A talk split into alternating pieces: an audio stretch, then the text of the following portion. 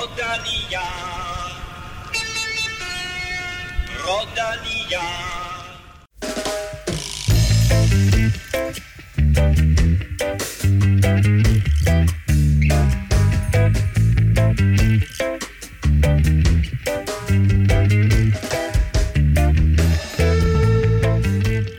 Efter en kort sommerpause er vi tilbage igen med episode 73 af Velropa Podcast. Jeg skal med det samme undskylde for det, man vel sagtens kan kalde en smuk stemme, skabt af en kombination af fest, bøgeskov, regn, vodka juice, strandhåndbold og masser af syng med koncerter. Jeg taler naturligvis om Velropas sommerfest. Derfor så overlader jeg også trygt øh, det meste af snakkeriet til mine to faste kompaner i dag, Kim Plesner og Stefan Johus, først og fremmest. Øh, velkommen til, og Tak. Øh, Tak. Kim, hvad kan vi se frem til i dag?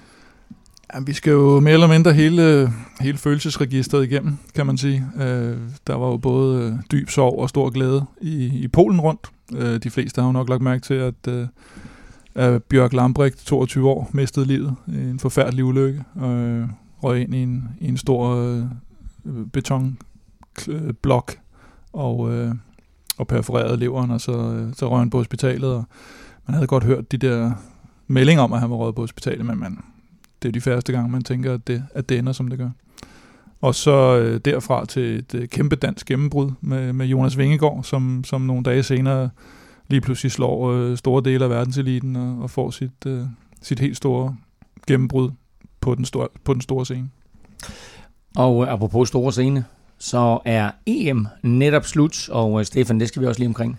Ja, det skal vi. Det blev et øh, rimelig succesfuldt øh, EM, øh, set med danske briller i hvert fald, øh, og ikke, ikke mindst i, i enkeltstarten øh, så det godt ud, men øh, der var lige øh, en enkelt øh, belgier, øh, som, som var svær for skoven under. Det var jo Remco Evenepoel, der, der er meget overraskende to, øh, to Europamesterskabet i, i enkeltstart, øh, kort tid efter, at han, han også lige vandt øh, klassiker San Sebastian.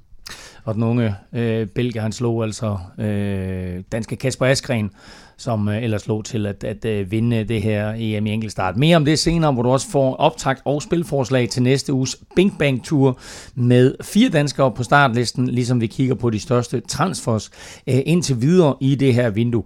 Og så skal vi naturligvis også lige vende rygtet om, at Bjarne Ries vil købe Katushas World Tour licens. Vi nærmer os 200 støtter på 10.dk. Det øh, udløser næste løgtrækning, og Stefan, hvor mange er vi helt præcis op på? Vi er helt op på 190. Sådan, og vi mangler altså kun øh, 10 støtter inden næste lodtrækning. Øh, Stefan, Tour de France er slut. Øh, betyder det også, at det er slut med freebets til odds? Nej, det gør det ikke helt. Vi har stadig et par 200 kroners freebets, så, øh, så dem, dem trækker vi om. Dejligt. Også senere i udsendelsen. Æh, til gengæld så sluttede vores super fede Garmin-konkurrence, som bekendt, da Tour de France sluttede. Æh, lidt senere, der kan du så høre, om det var dig, der stak af med den her lækre præmie i form af en Garmin Edge 1030 computer med en øh, varia-radar til og en taske og lidt af hvert, alt sammen til en samlet værdi af over 7.500 kroner. Øh, og som om det ikke var gaveregn nok, så fortsætter vi den, fordi Shimano er tilbage som præmiepartner, og øh, de har været så venlige at donere Pearly Sumis topmodel inden for cykelbukser. De hedder Pro Escape og har en værdi af små 1600 kroner, øh, og lidt senere der fortæller vi dig, hvordan det kan blive dine. Du kan som altid finde os på iTunes, SoundCloud, Spotify eller din foretrukne podcast-app, øh, podcast-app til Android. Husk at følge os på Twitter og Instagram på Snablag Europa og på facebook.com Europa.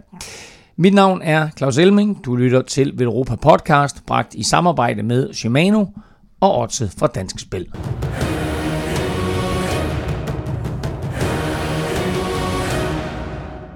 22-årig Egan Bernal vandt årets Tour de France, og i det netop overståede Polen rundt kom alderen 22 år i den grad også i fokus. Desværre på godt og ondt.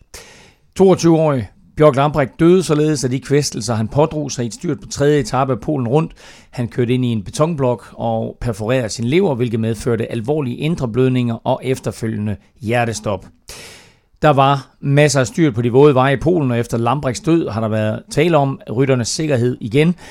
Men det er dog, Kim, heldigvis sådan øh, forholdsvis sjældent, at den her slags ting sker, selvom jeg synes, at vi har hørt om, om et par dødsfald her bare inden for de sidste 3-4 måneder. Ja, der har, der har været meget her på det, på det seneste, kan man sige, men, men men det er også sjældent, at det decideret er noget med ruten, eller, eller den sikkerhed, man, man ofte taler om i forhold til, at man skal neutralisere øh, etaper og så videre, at, at der lige frem sker nogle ting.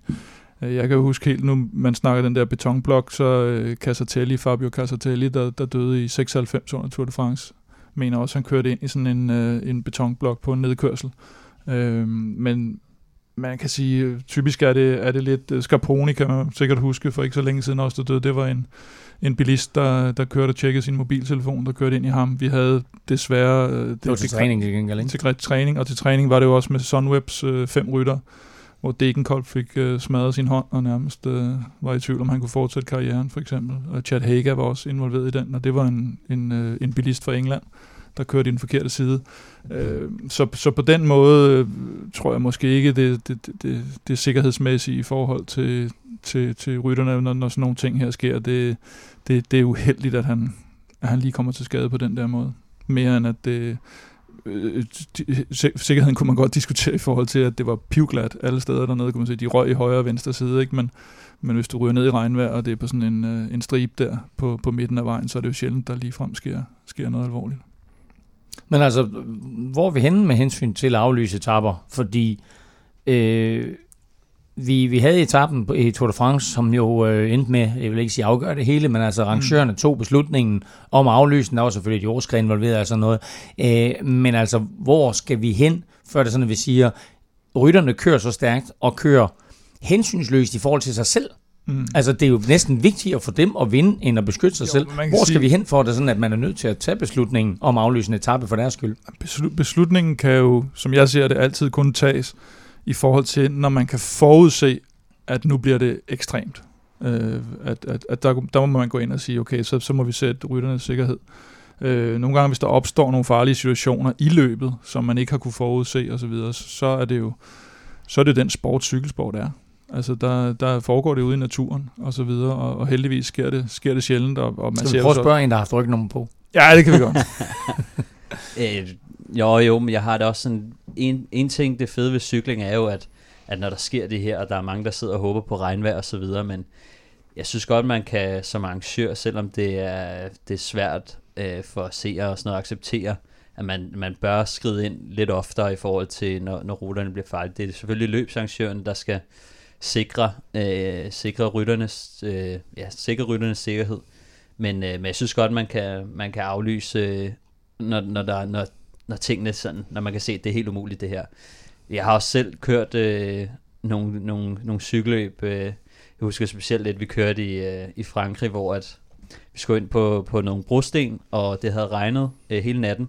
Og der var de der brosten der, de var jo mudret af helvedes til, så øh, da vi så kommer flyvende ind på de der brosten, så ryger alle bare på røven, og motorcyklerne ryger på røven, og det er jo helt umuligt, og vi skulle hen over det stykke tre gange. Øh, så, øh, så, Tredje gang, der var de tørre. så, ja, men øh, altså, vi, vi, vi røg på røven flere gange, øh, så, så på den måde, det var, ikke, det var ikke så sjovt, og der kunne man godt have tænkt, at øh, man skulle have neutraliseret lige den del, eller på en eller anden måde skride ind. Ikke? Jo, man så det jo. At, men, men, men når det er, så altså, der er jo nogen, der tager chancen. Det vil der altid være, ikke? og mm. man er jo tvunget til at følge trop, fordi at nu er man kommet hele vejen derned, og man er i gang, og det, det er også kun et lille stykke af, af men, men jeg synes godt... Men den etape, som du nævner der, ja. vil, vil du gerne have haft, at arrangørerne havde aflyst hele balladen, eller hvad, hvad skulle man have gjort? Skulle man have udsat det nogle timer? Ja, jeg, jeg synes godt, man kunne have fundet, øh, fundet en eller anden løsning, hvor man siger, øh, der er ikke cykelløb lige på det her område, øh, og så starter vi igen bagefter eller et eller andet. Det er jo meget sjovt, når man har været igennem det, og jeg kan huske, at jeg selv røg på røven, øh, som, som næsten alle andre gjorde, men, øh, men altså, altså, jeg kom igennem det, og så kan man grine af det bagefter, men øh, jeg, jeg anede jo ikke, hvad vi skulle ind til, og så lige mm. pludselig så kom det der stykke, og så stod alt, alle bare øh, på røven, ikke? og motorcyklerne, det er jo heller ikke så fedt, at de også styrter. Øh, og mm. det, det er sådan rimelig scary, når, når der kommer sådan en stor øh, motorcykel glidende hen af, af vejen. Men det, jeg synes, det kunne være fint, hvis de havde øh, forudset det, fordi de ved jo godt, de kender jo ruten, og øh, de kan se på vejret og tjekke ruten af inden start og så videre. Der burde de nok have, have, have neutraliseret den del. Øh, men, men det, det er en ting, som der er kommet mere i fokus øh, med, med årene, Absolut. fordi i gamle dage, øh, altså nu, det er jo ja, der gamle bare. dage, eller hvad? Ja, der kørte man bare. Ja, der kørte man bare. Ja. Men jeg synes, at ved, ved EM nede i, i Holland her, har, var der jo også lige pludselig, hvor man så øh, ruten der, hvor der netop i forhold til betonklodser, piller, at der var lige pludselig sådan en hel øh, segment, hvor de bare også stod frit, at, at rytterne bare kunne køre ind i dem, i stedet for at de var dækket af på en eller anden måde. Man så mm. også et, var det et højre sving, hvor der også lige står sådan en, en midterhælde, der næsten ikke er dækket af, ikke? Altså ja. i sådan, og der var også en del, der, der brokkede sig der. Og det, det, jeg synes, der er irriterende, det er jo det der, hvor, netop som du siger, når arrangørerne godt på forhånd, eller i hvert fald bør vide, okay, det her, det kan blive farligt. Det skal, det skal der være styr på. Det andet der, hvor der så sker noget i løbet af, at øh, hvis noget går i gang, og det begynder at regne, så må man ligesom tage den undervejs og sige, okay, hvordan vurderer man der? Men det, der næsten er utilgiveligt, det er det der, når, altså sådan noget, man burde vide på forhånd, hvis man bare har en minimum af indsigt i det. Ikke? Det skal være. Ja, det synes også, at øh, før i tiden synes jeg ikke, at, at løbsarrangører sådan noget, de ture og, og træde ind.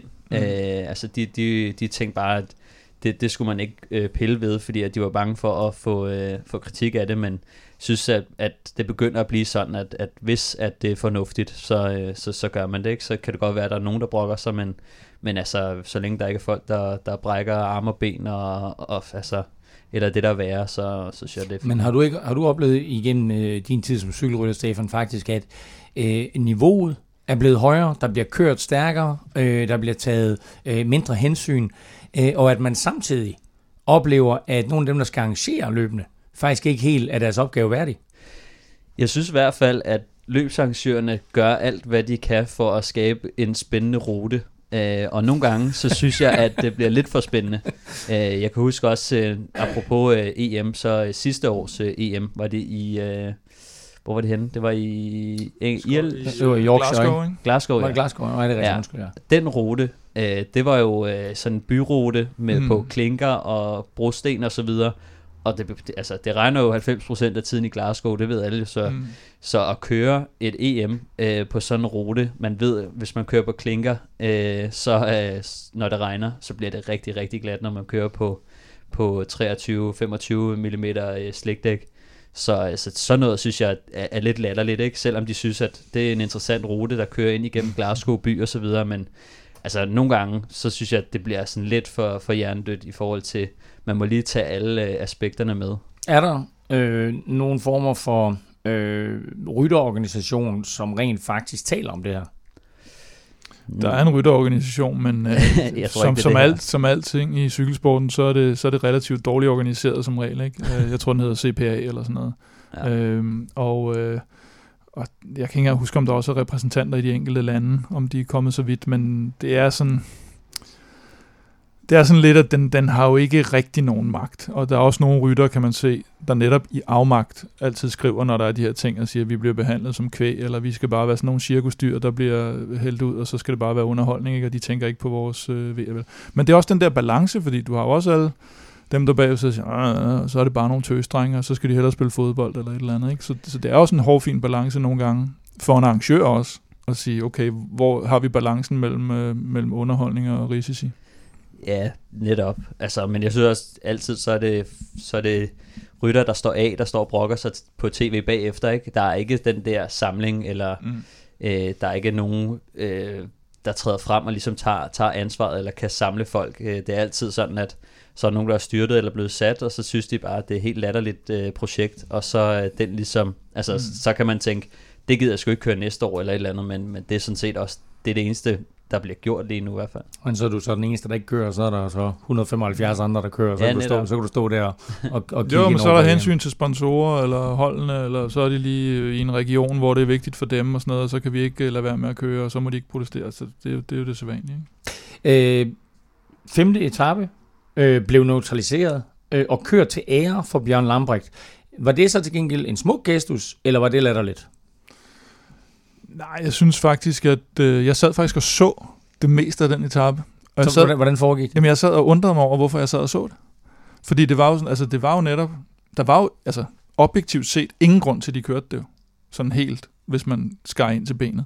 Så lå de nogle hold, øh, så, så var der et hold, der lå og tog føringen i 10 minutter, 5 minutter.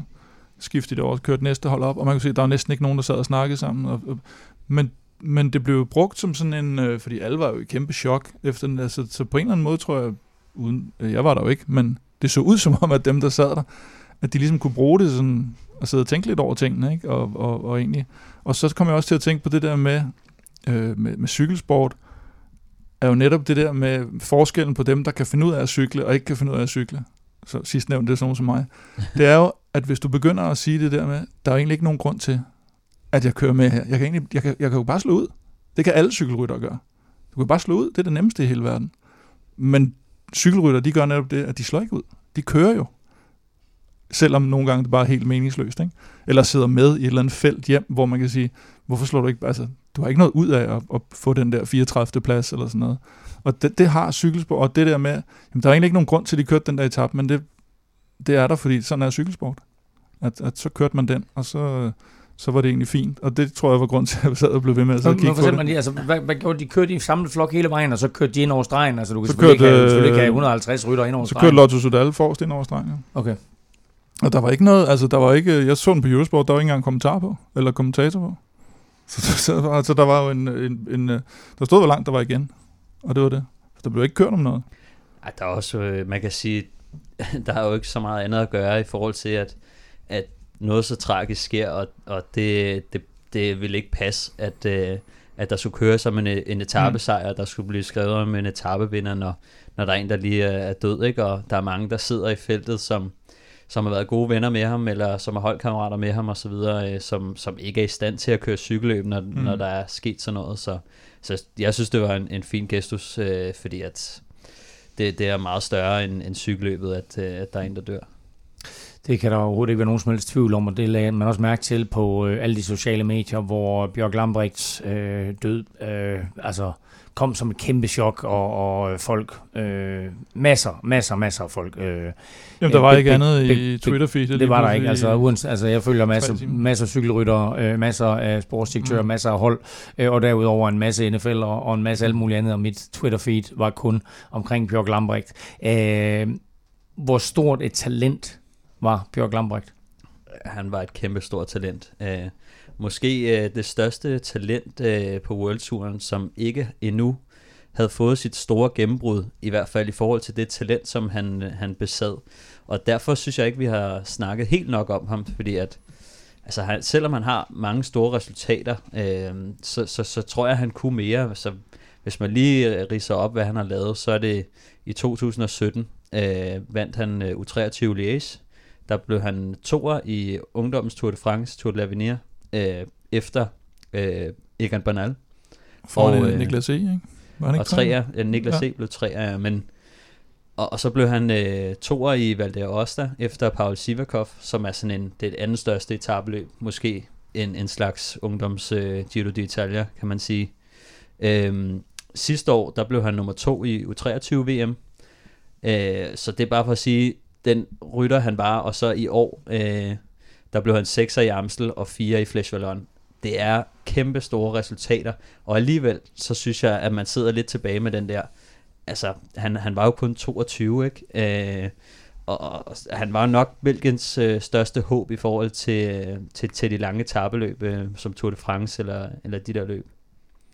Så altså en øh, meget, meget øh, stor cykelrytter, øh, på trods af sin unge alder, der, der er gået bort her. Vi kommer naturligvis øh, til at savne øh, Bjørk Lambrik på den internationale cykelscene.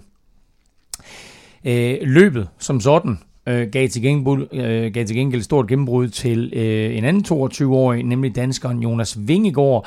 Øh, på 6. Øh, etape, øh, på 6. etape øh, der kommer han alene til mål med en, hvad er det, er det tre eller fire mandagtigt, øh, og der sætter han altså et par verdensstjerner til vægs, øh, inklusiv Pavel Sivakov, vinder spurten, vinder den her 6. etape, der, der var 163 km lang, og havde ikke færre end syv kategori 1 stigninger øh, undervejs. Det her, det var et øh, stort gennembrud for Jonas. Ja, det var, øh, det var hans, øh, hans første sejr som professionel i hvert fald. Øhm, og, og den første gang, hvor vi virkelig ser, hvad, hvad han er i stand til at gøre. Øh, jeg synes, han har før, øh, før vist, hvad han kan i glimt. Øh, men, øh, men lige her, da han, øh, da han går ind og slår... Øh, Ja, altså man kan jo lige kigge, det er Paul Sivakov, øh, Rafael Majka, Pierre Latour, Formulo, øh, det er nogle kæmpe store stjerner, ikke? Så, øh, så det, det er meget imponerende. øh, det han gør der. Altså det er så meget bladet for ham også at kunne se ned over den resultatliste, og så sige, øh, at mit navn, det står altså øverst, når man nævner alle de der. Øh, han tog rent faktisk på den her 6. etape, Kim, der tog han løbes øh, samlede føretrøje. Han mistede den så godt nok igen på 7. til Sivakov, som øh, både tog øh, føretrøjen fra danskerne, og altså også, øh, i og med at det var den afsluttende etape, øh, vandt Polen rundt. Øh, Sivakov, vi ved, altså, vi taler om Jonas Vingegaard her som stor talent, øh, men Sivakov, der nu kører for Team Ineos, viser bare, at Ineos også her har endnu et talent, som øh, på den lange bane øh, kommer til at være et, et rigtig godt kort for dem. Ja, de støvsugede og, og har fortsat lidt med at støvsuge mange af de unge talenter. Øh, han er lige fyldt 22 også, øh, Sivakov, og, øh, og blev, øh, jeg tror han vandt øh, Baby Giro, som de kalder den, øh, ungdommens Giro d'Italia i 2017. Og så kom han til Sky, og så tænkte man, nu, nu skulle han også ind og, og lave noget, øh, noget, nogle store resultater der i starten, men så, så fik han lidt skadesproblemer, og, og jeg troede egentlig måske også, at han var sådan lidt, ah, okay, han får sgu nok ikke lige sit gennembrud, men så her til foråret, der, så, så vandt han uh, Tour of the Alps, som er, er måske det hårdeste opvarmningsløb til, til Giroen, mm. og, uh, og nu viser han igen, igen klassen her, så ham, uh, ham skal vi nok komme til at se, og har stået meget i skyggen jo selvfølgelig af Banal øh, jævnaldrende, men øh, der, er også et, der er et stykke vej op til at vinde Tour de France. Så men altså, det er et meget, meget spændende mandskab, som øh, Team Ineos kan stille med, når nu øh, alle de der gamle britter der, de øh, stiller øh, cyklen på hylden, så får vi altså et, et, et ungt hold at se, øh, og formodentlig med en, en Pavel Sivakov i en, øh, en form for hovedrolle. Sivakov vandt Polen rundt. Det gjorde han foran den 23-årige australier Jay Hindley fra Sunweb og med veteranen Diego Ulisi fra UAE på tredjepladsen. Men Polen rundt 2019 vil desværre blive husket for Bjørn Lambrechts forfærdelige skæbne. Ære være hans minde. Og så går vi direkte fra noget så tragisk til øh, quizzen, og øh, selvom det er sådan at en, en stor omvæltning lige her, så håber jeg, I er klar. Øh, jeg skal lige, hvad er, er det 21 18, det står, Kim? Blev vi enige om det? 21? Jeg kan faktisk heller ikke huske det, men oh. det lyder meget godt. Det er, jeg er ikke tre foran? Ja, jeg tror, jeg tror med, med Tour de France, der kom du tre foran. Så ja. 21-18 står der i, øh, i quizzen. Øh, den her quiz, den omhandler øh, EM Øh, ikke så meget. Jeg både lidt, både lidt det, det nyligt afsluttet, men også sådan EM i historisk perspektiv. Fordi øh, EM øh, er sådan set blevet kørt siden 1995, men her i, i den nyere tid, hvor de professionelle også kører med, der er det jo kun fire år gammelt. Og der er spørgsmålet så, øh, i og med at Elia Viviani han vandt i dag, så har italienerne tre gange haft en mand på podiet, men ellers så har der faktisk rigtig mange nationer, der har været på det podie. Så spørgsmålet er nu, ikke så meget, hvor mange nationer der har været på, men hvilke to andre nationer har igennem de her fire år haft to mand på podiet? Så der er... Så altså guld, sølv og bronze igennem fire år. To andre nationer har haft to mand på podiet. Italien har haft tre. Ja. Øh, Viviani to gange i øvrigt. Både øh, sølv for tre år siden og altså Der er to nationer. Ja. Der er to nationer. to medaljer. ja. Som var to medaljer. Du skal gætte to og nationer. Og det er ikke Italien. Nej. Og der er et point at hente per korrekt land, og I får lov til at komme med et hver. Okay. Øh, og, så, øh, og så hvis den ene han skyder fejl, så må den anden skyde igen. Øh, og så på den måde, der kan man altså score to point, hvis der absolut skulle være. Godt køre en 2-0'er. Så øh, det er spørgsmålet i dag. Hvilke to nationer har to medaljer ved EM igennem de her fire år, hvor det altså er kørt indtil videre? EM-linjeløbet for herrer sluttede for få minutter siden, og Elia Viviani kronede altså en solid italiensk indsats med at tage guldet. Han vandt foran holdkammeraten hos det König Quickstep i Lampard, og med tyske Pascal Ackermann på tredjepladsen. Michael Mørkov blev bedste dansker, han kom ind som nummer 5. Og vi må bare rose italienerne, Kim, fordi de kørte et helt suverænt EM. Ja, de var ligesom sidste år, der var de bare på forkant, og, øh, og det gav bonus. Og så til sidst, så, så sidder Viviani med Ackermann og Yves Lampard. Og Lampard, ham kender han jo lidt, så, mm. så må ikke øh, Lampard var godt tilfreds med at få, få sølv, i forhold til, hvis de var kørt hjem til stregen, de tre, så har han fået bronze. Og, øh, men han prøvede da på at komme frem til at tage en føring i Lampard. Han sad der og viftede med venstre armen. Jeg tror, den, øh, der var ikke den helt store spænding, skal vi sige det sådan. Og ja, italienerne kørte godt, øh, danskerne vil jeg lade Stefan vurdere, og øh, hollænderne, de, de var de store tabere, fordi de er på hjemmebane, og de, de sad egentlig og skulle, det var, det var dem, der skulle tage det ansvar, og det var dem, der skulle hente den frontgruppe, der var til sidst, og det formåede de ikke. Og jeg synes i det hele taget, at hele den jagt på, øh, specielt da de kun er tre ude foran, hvor en masse nationer jo bør kunne gå sammen, her blandt også Danmark, sende en-to mand frem. Vi har nogen, der bare sidder og, og egentlig ikke laver noget i det felt, og heller ikke skal lave noget senere. Øh, Frankrig kunne være interesseret i jagte. Øh, hvad hedder det? Norge var, var med og gjorde en stor indsats. Holland. Øh, Storbritannien, så går Cavendish frem og tager en eller anden tv-føring, mens der er publikum på i 30 sekunder eller sådan noget. Ikke? I stedet for, at de alle sammen gik frem, fik skubbet de der italienere og, og tyskere væk, der sad og var pissirriterende, og belgier, der sad og, og prøvede at møve ind. Men, men de havde ligesom ikke den pondus, kunne man se, til bare at, at møve dem væk men og sige, prøv at det er os, der... Det tv-billede, der kom, det var til allersidst, da de rammer et uh, brostenstykke, og øh, øh, Viviani ligger sammen med Lampard, og så har de så sat Pascal Ackermann, han ligger sådan 50 meter bagved, og så ser man øh, det, man sagtens kan kalde øh, hovedfeltet, øh, komme hen over et brostenstykke. Men der er ingen, der kører på brostenene. Til gengæld så er gruppen splittet op i to mm. lange linjer øh, i hver sin side af brostenstykket. Og på hver side forrest, der sidder der en italiener ja, det var og, efter, og, kører, og kører sådan 35 km i timen, lige sådan ja. hyggetempo, ikke? Ja, det var, der var ingen, der kom forbi der. Det var efter Van Barle havde slået ud som den sidste hollænder, mener jeg. Og der, der var der, altså der kunne man se, han sad som den sidste hollænder, mm. og man mm. kunne se, at de næste fem pladser, eller sådan noget, i, i hvert fald, det var, det var italienere, tyskere og belgier.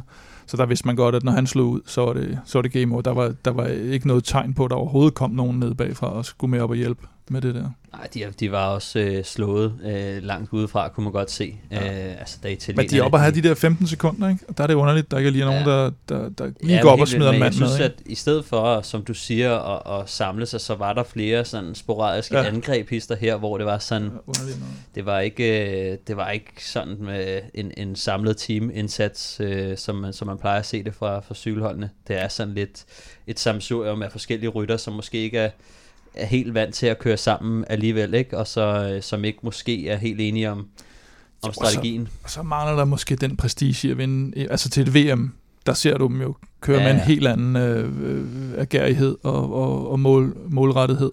Og her, der tror jeg sgu, der er mange af dem, der siger sådan, altså, det er, halvdelen af dem skal ud og køre Bing Bang Tour ikke, i, i morgen, og, og nogen sidder sådan, hvad fanden hjælper det, hvis jeg går, altså, hvem er det, jeg skal ofre mig for, gider jeg i virkeligheden det, eller han er måske på vej væk til et andet ja. hold, og jeg tror, hvad ved jeg? Jeg tror samtidig, at øh, selve forventningen om løbet er nok lidt, at øh, det er lidt paradekørsel, hvor vi kører hjem og spurter, så der er mange rytter, der sidder og tænker, ah, de sidste 10 km, der tænder jeg lige. Øh, så når det lige pludselig, ja. Øh, når Italien lige hugger øh, på langt udefra, der er ikke så mange af dem, der er klar til at lide, og der er ikke ja. så mange, der er med op på duberne. Så, øh. Men det var interessant at høre Elie Viviani øh, efterfølgende sige, at vores taktik fra morgenen mm. var at køre efter spurten. Ja. Og det ændrede sig lige pludselig undervejs, hvor vi kunne mærke, at, at øh, vi, vi kunne trykke lidt, og vi kunne ryste det her felt.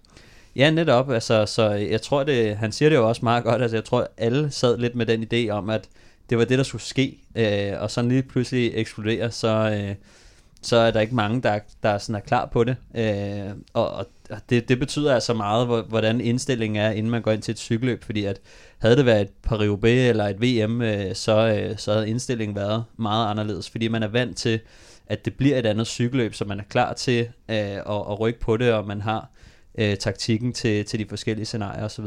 Hvorfor er øh, EM, det er selvfølgelig i, i, i den professionelle sammenhæng kun fire år gammelt, men hvorfor er det stadig ikke et løb med en stor prestige?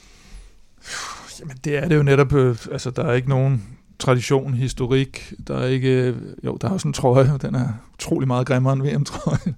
der, er ikke, der er bare ikke den prestige at køre rundt med den trøje. Og det, øh, hvad var det? Er det tre måneder siden, der, at Alkmaar sprang til og, og, og fandt ud af, at vi kan da godt tage det, hvis der ikke der er nogen andre, der gider arrangere det. Og det vidner også lidt om, hvor vi er henne. Sådan, øh, hvis du ser på danskernes øh, reaktioner efterfølgende, dem der stod af og sådan noget, det var sådan lidt, øh, med. altså, der, de virkede pisselig glade. Det tager, altså. det tager lang tid at bygge et cykelløb op, tror jeg ja. bare, det er i, sådan i cykelsporten. Ikke? Altså, øh, hvis der ikke er, er, er traditioner og prestige i det, så, øh, så gider rytterne sådan ikke rigtigt. Øh, dem, okay. der... Men altså, altså, jeg forstår godt, hvad I siger, men hvis man ser på dem, der vinder, Altså, så er det trods alt de store kanoner. Jo, det første EM, der bliver kørt, det sætter Sagan sig på. Jeg, jeg tror ikke, han har deltaget siden, og han, han kørte måske med andet over os. Mm. Men Vandt han, han ikke de to første? Nej, han vinder det første. Og så vinder øh, Alexander Kristoff nummer to, ikke? Og så vinder Matteo Trettin ja. sidste år. Og så vinder Viviani i år. Hvem blev fik sølv og bronze i det der? Ja, det fortæller jeg dig ikke. Nå, okay. men øh, men det, det, hvis du ser på de fire vinder, der har været, så er det fire store kanoner. Ja, og det er fordi, når du ser den udskilling, der er, Kasper Askren er jo også med i den gruppe, som, som Ackermann og dem. Hvis de holder hjem og sådan noget, så kører du selvfølgelig, at de kører fuld knald og vedløb om det, hvis først du ligesom er med i finalen. Og du kører også vedløb om at komme med i den finale. Men hvis først du så bliver sat, så virker det som om, okay, der er ikke, altså, de manglede 15 sekunder, de der hollænder, ikke? Og hvis, hvis det havde galt noget, så var der Arh, jo fire nu, andre nu, nationer nu, der... Nu, nu, lad os sige, når man så på grafikken, så virker det som de samme, øh, der ligger grafik på, øh, på øh, det danske mesterskab. Og lad os sige det på den måde, efter at have set det nogle gange, så det er ikke helt troværdigt, hvor langt der er hjem. Ej, der var hvad, 10 km hjem, utrolig lang tid. Og hvad forspringet er. Ja. Så om der var 30 sekunder, eller der var 15 sekunder, om der var 10 km eller 5 km hjem, det har vi desværre ikke øh, mm. nogen, rigtig, nogen anelse om. Nej, nej, men det var der, der var, jeg tror, der var 20 km hjem, da de havde 15 sekunder lige pludselig kun. Ikke? Og hvis det havde været et VM, så har du set 4-5 nationer lige sætte to-tre mand frem i spids, og så var det hul blevet lukket, fordi så siger, vi, vi skal være sikre på, at vi henter dem der. Ikke? Her der sidder man sådan lidt, nah, det klarer hollænderne sgu nok ikke, og vi skal ikke sidde. Danmark sad med fire mand i den gruppe, ikke? og lavede, ja, de sendte Askren op og tage to føringer. Ikke? Og, og, og, vi kører for Mørkøv, som er sprinter, så det gav ikke nogen, altså det giver jo ikke rigtig nogen mening, sådan i, i taktisk henseende i hvert fald. Men så lad os holde fast i, i danskernes indsats, fordi øh, Michael Mørkøv øh, var tilfreds med danskernes indsats og var tilfreds med sin egen femteplads efter løbet. Hvad er din vurdering? Øhm, jamen ja, det er klart, at, at Michael er tilfreds, fordi at øh, han får et, et pissegodt resultat til sig selv. Øh, og, og det er, det er jo det er jo godt, når man ser på resultatlisten, hvis man kigger på den måde, de kørte cykelløb på, så synes jeg ikke, det var, øh, synes jeg ikke, det var imponerende faktisk. Øh, jeg synes, det Askren han lavede, det var faktisk rigtig, rigtig flot. Øh, hvor at, at italienerne lægger pres på, og der er han den eneste, der formår at lukke hullet, og det gør han alene, imens der er folk, der drysser fra op øh, forfra. Ikke? Mm. Så øh, enormt øh, flot af ham, og han, han sidder jo i gruppen, og det er en svær situation for ham, fordi at han sidder her, og han, han, skal, ikke, han skal ikke rigtig føre, øh, men han vil gerne have, at der bliver kørt noget cykelløb, og det er ærgerligt, at, at, øh, at de tre mand, der, der kører, de, de bare får lov at, at stikke afsted, fordi at jeg tror, at tror godt, han kunne, øh, han, altså med den styrke, han viste ved lige at lukke hullet, mens Trentin sidder og blæser den af, mm. det er et tegn på, at han har rigtig gode ben, så det var øh, taktisk, øh, kan man sige en fejltagelse set i bagspejlet, men... Øh, men, ja, det, vis, det viser jo også lidt den måde, det sker på, den opsplitning med de tre sidste. Der viser det igen, at, at da først den sker, ved at der, jeg skulle lige til at sige to tyskere, der bakker af, men det er sådan set en tysker, og så er det en bror, hans gode øh, slovener, slovak, øh, Erik Basker, ja. tror jeg det er, der slår ud, fordi han kører mere eller mindre for Tyskland der. Øhm, og da de så slår ud der, så er der ja, Langefelt, han prøver vist lige at tage to-tre tråde, ikke? Mm. Og, og ellers så, så kan man også se de andre sådan, okay, det var det. Og det er det, der er forskellen. Fordi igen havde det været et VM, så var der 4-5 mand for den gruppe, der havde prøvet at lukke det der hul lige med det samme. Men øh, man gambler og, ikke så meget i, ja. i et VM eller sådan. Der vil man, der vil man fandme gerne med, ja. ikke? Men, men der er mange af dem. Jeg tror også, at, at når de så kommer afsted i den her gruppe, specielt også som Askren, han sidder og forventer, at nej, der er nogen, øh, der lukker den her, og så er jeg klar på kontraangrebet og så videre. Man har mm. forestillet sig, hvordan kommer det her cykelløb til at, at foregå nu. Det er klart, at Viviani og Ackermann ikke øh, kører, kører afsted, ikke? Jo, de skal øh, bare vente på spurten. Men, øh, men lige pludselig, så, øh, så formåede de alligevel at, at holde den gående. Men altså... Men så prøv lige, så prøv lige at forklare for os amatørryttere, der er jo alle sammen har siddet i et felt, eller ikke i et felt, men i en gruppe, og så rammer man en sving, og så ser man, at de her, der kommer først ind i svinget, at de omgående har en eller anden form for hul, som man så skal op og sprinte for at lukke. Mm. Altså, det ved øh, alle på det professionelle niveau jo også, at, at det sker. Alligevel så lykkes det altså for tre af de helt store, øh, Viviani, Lampard og Ackermann, at lave det her hul. Mm. Og så godt nok, som Kim siger, så bliver det bakket lidt af for tyskerne, så hullet bliver skabt. Men børn Askren og børn nogle af de andre, der sidder der, ikke være opmærksom på, det her det er altså momenter, hvor sådan nogen som Viviane kan skabe noget ballade og slippe afsted. Jo, men jeg tror ikke, at øh, jeg tror ikke, man forventer, at de gør det. Uh, altså, at de kører afsted udefra, fordi at det giver jo ingen mening, at det er de her to rytter i gruppen, som, uh, som skal vente på en spurt. Og, så man tænker ikke, at de har nogen uh, idé med, at nu kører de afsted. Øhm, så, men jeg vil sige, at, at selvfølgelig ved man, at, at man skal med og så videre, men, men øh, det er svært at, at køre med på alle angreb, ikke? Og, og alle sidder lidt og tænker, nah, du ved, jeg ser lige, om der ikke er nogen andre, der lukker den. Øh, jo, på det tidspunkt mener jeg, at de har 20 sekunder ned til feltet, og der har de feltet kørt dem ned fra, er det 50 sekunder, ja, og så ned ja. til 20, ikke? Så, så hvis du ved det, så sidder du måske også og tænker, okay, bare lad det køre, fordi nu er det 20, ikke? de har lige hentet 30 sekunder, det vil sige om 5 km, så har de hentet de sidste sekunder, alligevel dem, der kommer med. Men dem bagfor, de var så endnu, det gik helt i fest, da de blev hentet. Ja, jo. Men selve samarbejdet i den gruppe, det, det fungerede jo aldrig rigtigt ja. efter, at øh, italienerne de, øh, de stoppede med at, med at styre det hele. Altså, der var lidt Tyskland, og så kørte lidt, de, de alle sammen kørte lidt rundt, men der var aldrig rigtig en mm. enighed, og det tror jeg netop var fordi, at Viviani og Ackermann sad der, øh, og man forventede, at det var tyskerne og italienerne, der skulle køre den her hjem, og så skulle de andre angribe. Øh, så lige pludselig, så, øh, så sidder de i en situation, hvor at, at de her tre mand, de, de læster afsted, og nogle gange så er det faktisk øh, mere farligt af, af de her snigerangreb her, fordi at man, øh, når der er nogen, der rejser sig op og laver en acceleration, så er man ligesom programmeret til, at sådan, oh, nu, øh, nu sker der noget, ikke? der sker med her. Men der er nogen, der sådan stille og roligt glider afsted, øh, så, har man ikke rigtig, så opfatter man ikke rigtigt, at der er et angreb undervejs. Og samtidig dem, der så får hullet foræret, de har ikke brugt nogen kræfter på at skabe det hul, så nogle gange så kan det være de farligste angreb af sådan nogle her, hvor man lige sejler lidt væk for, for et lille hul for æret. Viviani, han øh, sprinter tre gange i dag. Han sprinter, da han åbner øh, hullet. Han sprinter, da han sætter Ackermann og kører op til Lampard, og så sprinter han forbi Lampard øh, og vinder øh, EM-titlen. Er det her det er den måde, vi skal se Viviani vinde sin løb på fra nu af, i stedet for måske at vinde dem i, øh, i massespurter, hvor han har haft lidt svært ved at finde ud af, hvad for hjul han skulle sidde på? det kan være, at han, skal, han er nødsaget til at, at, at prøve det. Han er jo ikke normalt typen, der kan sådan noget her. Øh, det, det tror jeg bare, man må, man må være helt ærlig øh, og sige, fordi at normalt så er han ikke den der bumstærke rytter, der går ud og gør sådan noget her. Han sidder på det helt rigtige hold, øh, får situationen, altså han får det hele foræret på sådan en dag som i dag. Øh, og det er ikke fordi, han ikke kører et flot cykelløb, for han gør alt rigtigt, men han får det hele foræret. Øh, jeg tror i forhold til, til fremtiden, øh, der skal han nok, øh, der skal han nok sætte øh, barn lidt lavere, øh, fordi at han, han, de kommer ikke til at han kommer ikke til at, at få de der perfekte lead out, som han har været vant til, så han kommer ikke til at vinde ret mange øh, sejre for det Kofidis, ikke? Og så var det jo, og så var det jo øh, Davide Chimolai for andet år i træk, der, der spillede en hovedrolle som hjælper. Sidste oh, år, der var det jo ham, der virkelig kørte Trentin frem. Jeg mener, det var ham, der kørte af helvedes til i Giroen fordi han øh, i starten eller undervejs fik at vide, at øh, konen, kæresten, gik fra ham, fordi hun havde indledt en affære med hendes chef, eller sådan et eller andet. Og han var helt nedslået, og han havde bare kørt igennem, fordi han vidste, at han skulle have sin kontrakt forlænget og sådan noget, så han skulle bare igennem Gino. Han havde sovet sådan noget tre timer hver nat i Gino. Forfærdelig historie. Øh, det mener han, men nu han da lige opoffret sig lidt igen, til, så det kan være, han har fået kontrakt. Det kan jeg faktisk ikke øh, se, om han har fået den forlænget. Og sådan fik vi så sådan en historie. på uh, Timolajs uh, privatliv. uh, Mørkøs femteplads kan faktisk gå hen sådan rent bogstaveligt og blive guld værd for Danmark. Ja, det kan det jo, fordi at øh, han holder jo øh, Danmark inde i kampen om, øh, om, om fuldt hold til, til VM. Så, øh, så det var faktisk rigtig vigtige point, han, han får taget med her. Jeg mener faktisk, vi er inden for... Øh, for de, de, de, de 10 øverste får 8 mand med, og vi ja. ligger i øjeblikket på 10. pladsen. Ja, lige præcis. Så, øh, så det, det, det er vigtige point, øh, men, men kampen om, om pladserne er jo ikke færdig endnu, så det kræver, at... Øh, at danskerne bliver ved øh, lidt endnu. Øh. Jamen, vi øh, siger bare til Askren, han skal køre nogle, nogle, nogle flere gode enkeltstart, nogle flere gode løb. Ikke? Ja. Det er vel ham, vi, ham vi sætter vores lid til. Men vigtige point, som du siger her, Stefan, øh, som Mørkøv får med. Øh, og øh, når VM køres i Yorkshire senere på år, så ligger vi altså lige nu til at få det maksimale antal rytter med.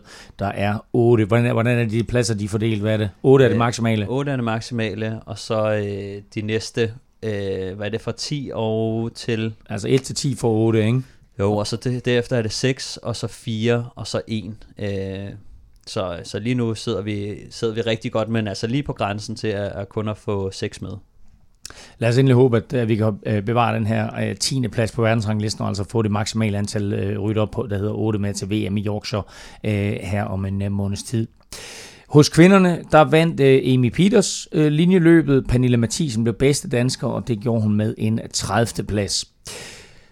På herrenes U23-side, der blev det til gengæld til flere danske medaljer, og endda en enkelt af flotteste karat. Det blev nemlig til både guld og sølv i enkeltstarten, da Johan Prise Pejdersen og Mikkel Bjerg nappede de to øverste pladser på podiet. Og det var ikke helt tilfældigt, Kim. Nej, det havde de jo forudsagt, at de ville gøre. Også i den rækkefølge? Ja. ja, jeg tror, det var Mikkel Bjerg, der havde sagt det til, Jeg kan ikke huske, om det var, var det Emil Vinjebo, der, havde, der var medkommentator på TV2, der sagde, at han havde talt med dem. Nu vil jeg så sige, at jeg mener, Mikkel vandt med et halvt eller et sekund til nummer tre i forhold til, så, så, så mere sikkert var det heller ikke. Men, Men han øh, nummer to eller blev han nummer tre? han blev to. Ja, præcis. Øh, men øh, men øh, Prise Pejdersen der, han, øh, han var relativt suveræn i... Øh, Ja, han er den nye komet, og, og Ja. noget, øh, eller han, han var endt øh, omkring en 10. plads i, i, i herrenes øh, løb, tror jeg. altså, hvis man har overført Okay. det. Ja. Ja, ja, men det, er, de kørte vel samme distance, gjorde de ikke det? jo, Jeg mener det faktisk må det næsten være ud og hjem 22 der, kilometer, Ja. ja. det tror jeg faktisk, de også kørte, så, øh, så det, er, det må man sige, at han viser allerede, at han, at han faktisk har øh, World Tour styrke, kan man sige, så øh, utroligt Og, og vi har, der er mange rytter, vi har talt om, og så pludselig, jeg tror ikke, vi har talt om Johan Prise Pejdersen før i år i Velropa podcast, man må sige, at han har overhalet nogle af de der andre, som vi har talt om øh, her i det sidste halvanden års tid, altså en som Mikkel Bjerg for eksempel, gjorde selvom Bjerg bliver to år jo.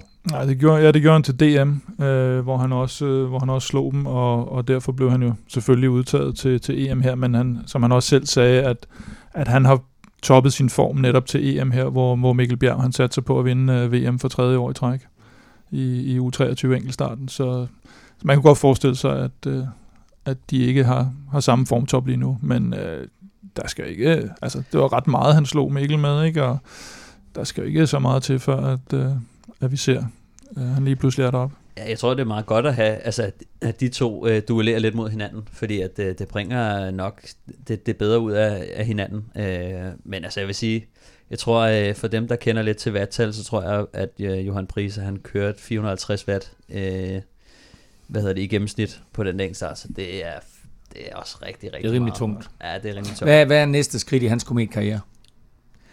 Øh, det er nok en, øh, en stagiaire-kontrakt øh, et eller andet sted, gætter jeg på. Medmindre han er, øh, medmindre han er allerede i kontakt øh, med nogen. Men altså, det bliver nok... Øh, Men hvordan er han til øh, altså linjeløb?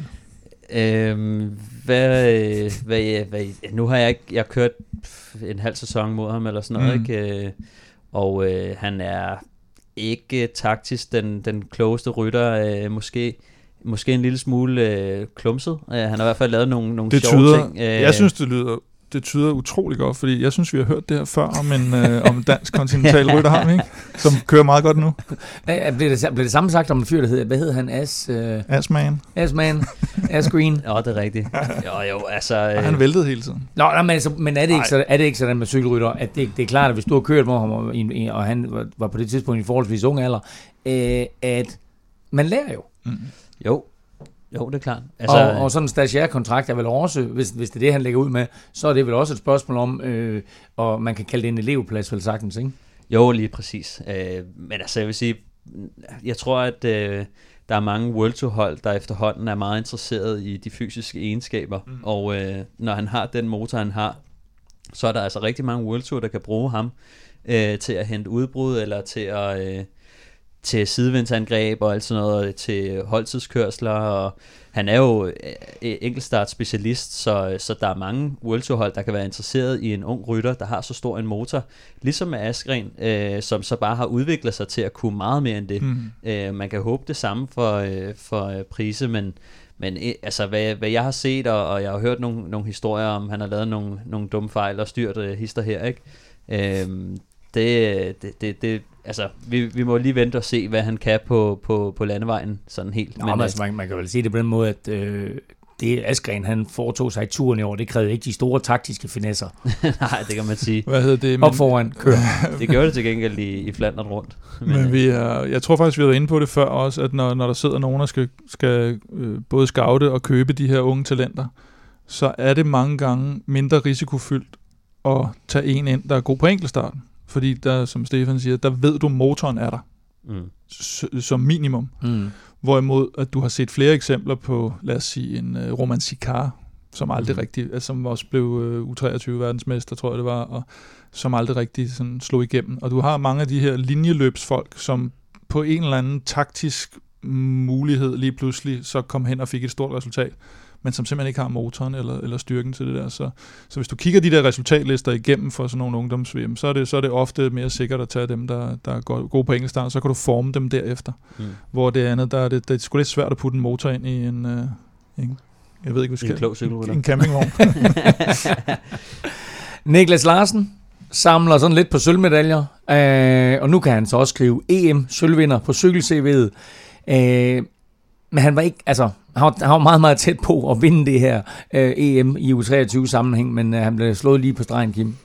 Ja, tæt, tæt på og alligevel så langt fra, ikke? fordi øh, jeg tror også, altså de, ved, de vidste godt, da de kom hjem, at, at øh, italieneren der, som jo så nærmest også er dansker, Alberto Dagnese, at, øh, at han var den hurtigste, så, og, og, og Niklas er, er måske lidt mere holdbar i sådan spurt, så, så selvom de får den åbnet lidt tidligt, så er det måske i virkeligheden også det, øh, den eneste chance, de har. Altså at, Mm. og, og, hvad skal man sige, overraske den mere sådan, hvad skal man sige, øh, øh, øh, normale sprintertype som, som italieneren. At Stockbro, han får ham øh, afleveret øh, lidt tidligt ud, og han laver en lang spurt, og man så også, at han kom faktisk sådan igen, efter han havde lavet sit første Ja. hug, var han ved at blive overhalet af to mand, og så holder han dem alligevel, fordi han har øh, styrken der, ikke? Og for Stockbro var det sådan noget med, jamen jeg skal have ham frem. De sad relativt langt tilbage, inden et eller andet vigtigt punkt. Der skal Ja. jeg have ham frem. Så det var sådan lidt, han kunne heller ikke vente med at køre ham frem. Så, Ej, men så jeg- det, den, de sad sådan lidt i saksen alligevel, ikke? Jo, men jeg vil sige, de, de, de kørte et, et rigtig flot cykelløb, og, og Stockbro, han gør det rigtig flot. Jeg tror, den eneste lille detalje, som de mangler for på plads, som, som er utrolig svært, men jeg tror, Stockbro rammer fronten med 900 meter eller en kilometer ude. Øh, det er lidt for tidligt ude øh, i forhold til, til Stockbro. Øh, Altså, lidt, lidt, altså det er lidt for det er tidligt. lidt for tidligt, Ja. han rammer fronten, øh, men, men jeg tror også bare sådan et, et hektisk cykelløb, og, øh, og, og nu, nu skal det være nu inden det her sving, eller Præcis. hvad det nu lige er, så, så han, han gør det, og han gør det flot, men man kan godt se, han, han rammer fronten, og der, der skal bare køre, så, øh, ja. der, så, så havde han ramt den 100 meter senere, 200 meter senere, øh, så tror jeg, den havde været der, fordi at der er ikke noget til at sige til, at Stockbro han mister noget af farten, og det er øh, der, at øh, han kommer med farten øh, og, og, og overrasker øh, Niklas Larsen lidt. Øh, så, så det er svært at have med at gøre, fordi når der først er en, der har åbnet spurten, som kommer forbi dig med, med 5-10 km i timen hurtigere, og man skal nå at hente det, det er nærmest umuligt. Øh, der skal man være meget, meget overlegen. Øh, Ja, så havde han jo allerede startet sin spurt, så skal han ind og ligge bag ved italieneren først, og så starte Ja. en ny spurt. Altså, det kan man jo ikke. Det er meget altså, svært, men, men jeg vil sige, ekstremt flot øh, kørt af, af Stockbro, og selvfølgelig Niklas Larsen, som, øh, som altså, altså, han er bare, han er for vild. Altså. Jamen, Nik- Niklas er for vild, og vi har haft ham med her i Velropa podcast, så vi tager selvfølgelig æren øh, Ja, ja, ja. Velropa-effekten for alle de her fine resultater, han laver. Men hvis jeg nu er lidt provokerende, så laver Niklas mange andenpladser. Andenpladser. Hvad skal der til, for at han vinder? han skal blive- mig i i hvert fald. Nå, det er fint nok. Han skal blive en plads bedre. Jeg vil sige, han er, han er, øh, han er, øh, han er en vinder. Altså, der er ikke, det er der ikke noget til at sige til. Ja, det, det er en tilfældighed, at han, at han, øh, at han ikke vinder mere, øh, fordi at øh, han har, øh, han har, han har det hele, der skal til. Og det sjove ved Niklas, det er, at han er, øh, han er meget afslappet omkring det hele. Uh, han tager det ikke så tungt, når han ikke vinder, Uh, og han er sådan. Nogen synes måske, at han er lidt for ligeglad, Uh, men det, det gør også bare, at han kan, han kan bevare overblik og være kølig, for han kører ekstremt klogt. Og jeg kan huske bare lige for at opbringe en detalje ind, uh, hvordan han, han snød mig uh, for, hvad er halvandet år siden eller sådan noget, en spurt. Vi kommer ind, mig og Niklas Larsen og Kasper Folsak, tror jeg faktisk. Folsak var, var gået lidt kold og havde øh, tog en føring langt udefra. Og øh, Niklas, han, øh, han lokker mig så øh, til, at, til at tage øh, indersiden. Han, øh, han trækker ud på midten af vejen og, og holder øje med mig, og jeg vil gerne den korte vej rundt. Det er højre om. Så jeg, da jeg åbner min spurt, så trækker han helt ind til højre og lukker mig inde.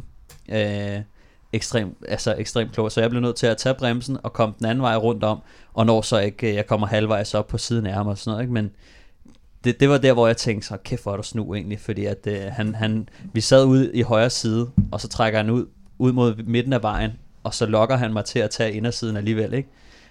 Øh, og han kunne også have lukket mig den anden vej, så på den måde var jeg bare sådan, det er fandme, det er fandme godt tænkt. Øh, så, så der tænkte jeg, han, han, er sgu, han er en klog cykelrytter. Øh, Og her fik du så forklaringen på ordsproget.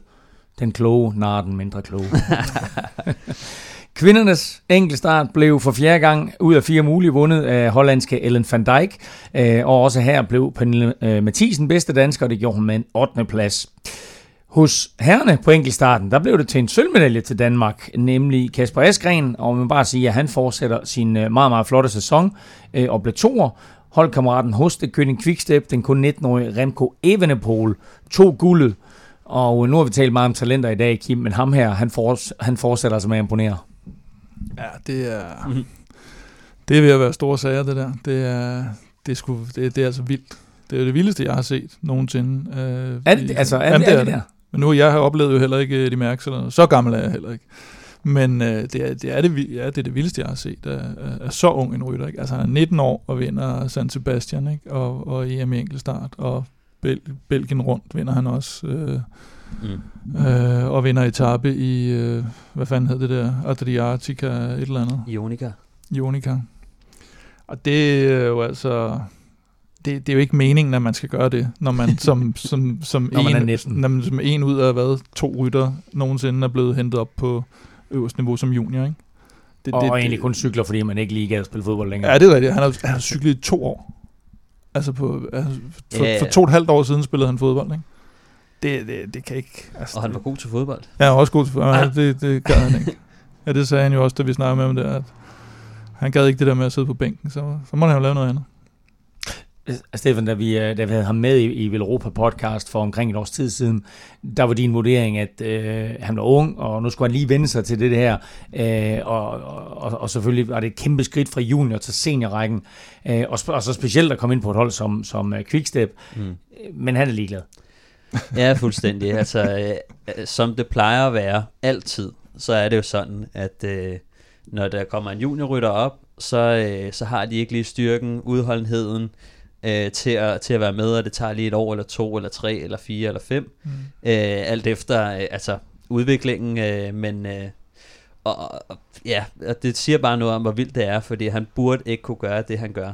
Øh, det burde ikke være muligt, øh, men, øh, men han var til gengæld også det største talent i, i juniorrækken, ikke? men man kan sige, hvis man kigger tilbage og ser på alle de andre store talenter, ikke? De, de, de bryder ikke bare igennem Øh, Nej, sådan det, lige. det er forskellen, øh, ja. Så, jo, men også det der, vi snakkede også om, at, at grunden til, at han egentlig overhovedet blev hentet ind, det var ikke meningen, at han skulle hentes ind, men det var fordi, der opstod den her hype omkring ham, fordi han vandt så overlegent i juniorklassen. Mm.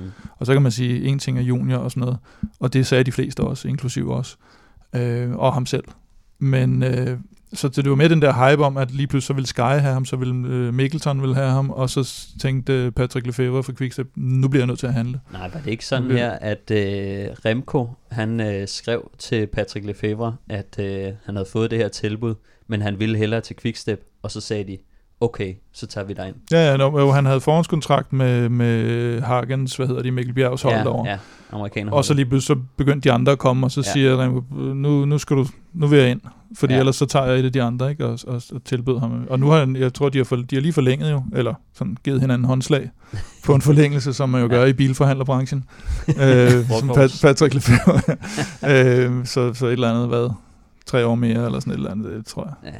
Jamen, det, er vel, det er vel også meget godt for meget det, klogt, det belgiske hold, det König ja. At de har det her største belgiske talent øh, overhovedet.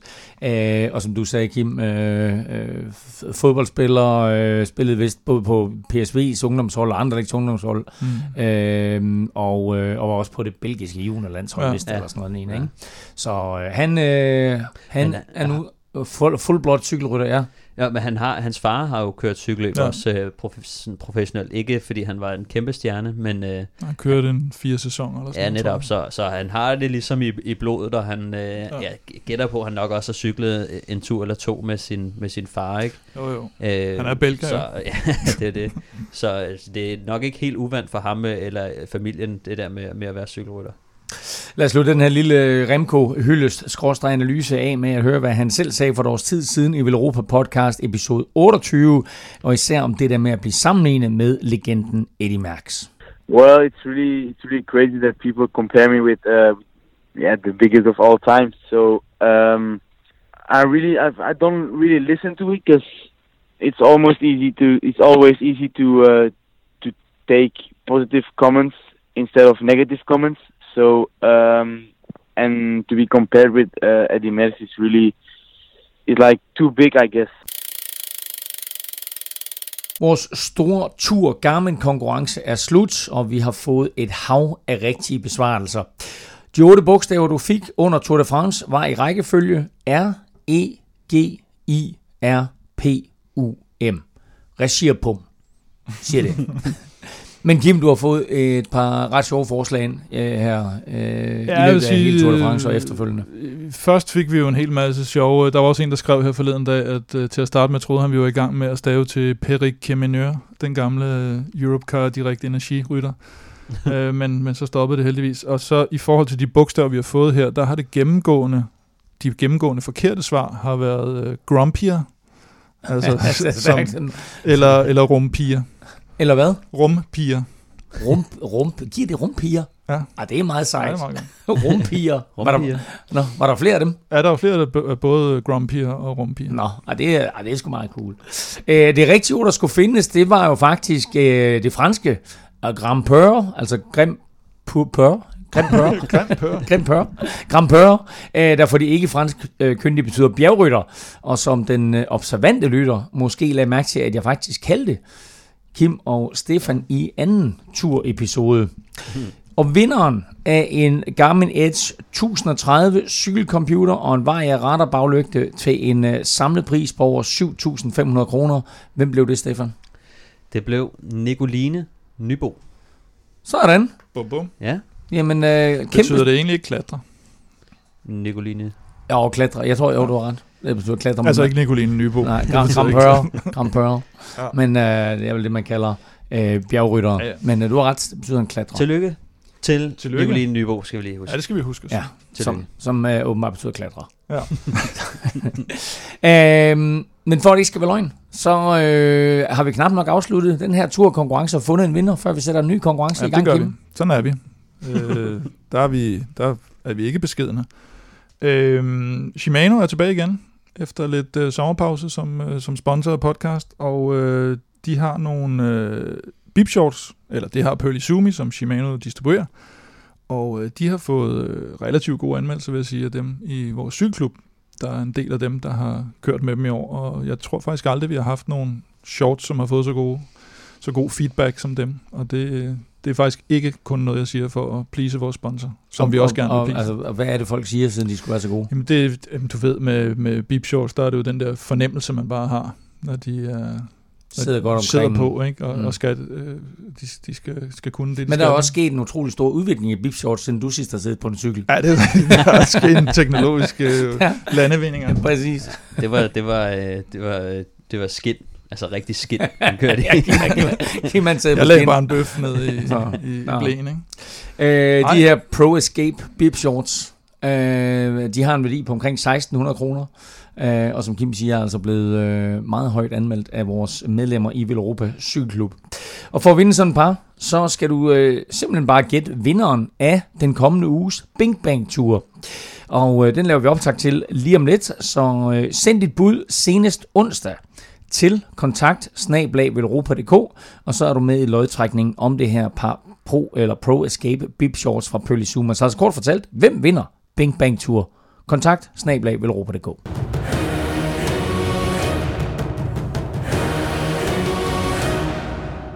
Og hvem vinder så Bing Bang Tour? Dit bud er lige så godt som vores, men lige om lidt, der får du et bud fra Staltip Turhus. Bing Bang Tour, det er et øh, syv dages etabløb. Det begynder mandag og slutter søndag, og undervejs starter både brosten, bakker og enkeltstart. Sidste år, der vandt sloveneren Matej Mohoric sammenlagt, men han stiller slet ikke til start i år. Så Kim, hvem er favoritter? Ja, men det, det plejer i hvert fald at være sådan klassiker navnene, vi skal have fat i, fordi det er sådan lidt en, en blanding af, af noget mini Ardenner, mini Flandern rundt, øh, og så kombineret med en lille enkeltstart. Det hele er lidt mini. Det er komprimeret. Komprimeret Men, øh, men samtidig jo nogle rytter, som så også kan køre syv dage i træk. Ja, kan køre syv dage i træk, men også altså, brosten på, på, på en del af etaperne, ikke? Og, og, og lidt stigninger, som vi kender dem. Så Philip Gilbert, Jungels, øh, Vellens, Van Avermaet, øh, Van Barle, øh, Betjol, der vandt Flandern rundt, Van Marke, jeg ved ikke lige, hvor, god form han er i. Oliver Narsen, Søren Krav, hvis han er kommet så over sit øh, sædesår, sådan nogle typer øh, af, af dem, vi skal holde øje med. Skal jeg lige, altså, enkeltstarten er 8 km, så det er ikke, altså, du behøver ikke være enkeltstart specialist. Nej, du behøver ikke være enkeltstart specialist for at, at ikke miste øh, vinderchancen i hvert fald. Og så slutter de jo sådan typisk i Gerhardsbergen. Der er øh, fire danskere til start. Det er Søren Krav, det er Kasper Petersen, øh, begge to hos Sunweb. Så er det Mads Petersen hos Trek Segafredo, og så er det Lars Bak hos øh, Dimension Data. Hvem skal vi forvente mest af, Stefan? Jeg tror det er jeg tror det er Søren øh, vi skal vi skal kigge mest på øh, lige nu. Øh, han kan han kan køre det her terræn og han er god på på enkeltstarten også. Øh, så det er helt klart ham jeg for, forventer mig mest af, men altså jeg, jeg vil også sige at den burde ligge godt til Mads, men vi har bare ikke set nok fra Mads øh, i år til at regne med ham. Men det er sådan et her cykelløb der passer rigtig godt til ham. Ja, det er skræddersyet til ham. Ja, det er det faktisk, fordi han kan jo også køre enkeltstart. Mm. Øh, så øh, så jeg glæder mig til at se, øh, fordi at øh, det kunne være et, et cykelløb, som, som han har timet sig lidt op mod, men så har han jo så kørt øh, EM her. Ja, for det er helt sikkert, at han, han kiggede på programmet, da sæsonen den startede, så sagde han, Bing Bang Tour i starten af august, det er lige mig. okay. Ja, men altså, jeg, det er i hvert fald, øh, det er i hvert fald Søren, vi skal, vi skal holde mest øje med, tror jeg, og så, øh, og så skal vi håbe på, at, at Mads han, han finder benene igen. Ja, Kim, du uh, talte sådan lidt om, om klassikernavne, og uh, løbet det starter i uh, Beveron, uh, som uh, apropos det her med, med belgiske cykelrytter, der tidligere har spillet fodbold, så har Greg van Avermaet uh, vist en, en fodboldkarriere der også. Ja, han har været målmand i SK Beveren, tror jeg, de hedder, eller sådan noget. Beferen. Beferen. Må det vel hedde. Så uh, jeg hedder, det hedder det vel, sådan noget ja. flamskagtigt. Uh, hvad er det her for et slags etabløb? Jamen, det er jo den her komprimerede udgave af noget, noget forårsklassiker nærmest hele tiden. Du har øh, første etape, hvor der er seks brostenstykker i de, den sidste tredjedel af, af, af etappen. Så har du anden etape, som er mere fladbane. Tredje etape er der otte brostenstykker i alt. Øh, og så fjerde etape er kun 96 km lang. Og til gengæld sådan noget mini-liège-beston-liège terræn med nogle øh, små, men skarpe stigninger øh, spredt, spredt nogenlunde ud over dagen. Det er trods alt rimelig spændende at se sådan, altså 96 km. Ja, den er ikke øh, ja. alt for, så det, der kan det godt gå hen og blive rigtig godt vedløb, som ja. løbet i øvrigt er kendt for, øh, og har været de, de seneste sæsoner. Øhm, 6. eller 5. etape igen noget sprint formentlig. 6. etape en øh, 8 km enkeltstart.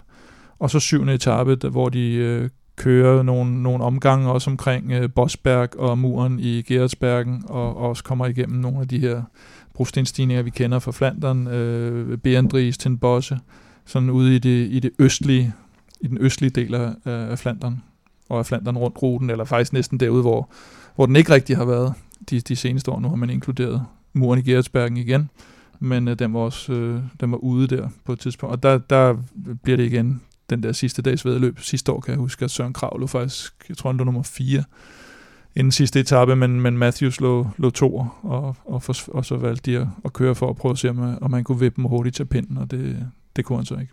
Du nævnte i den her gennemgang af etaperne øh, ordet brostenstykker rigtig, rigtig mange gange, så det, det stiller vel store krav både til rytternes holdbarhed, men også til øh, holdenes forberedelse, og øh, bare sørge for, at, øh, at, at man, er, man, man er på toppen der, og sørge for enten at få givet øh, cykler, nye cykler, få skiftet cykler, få øh, sat nye hjul på, etc. etc.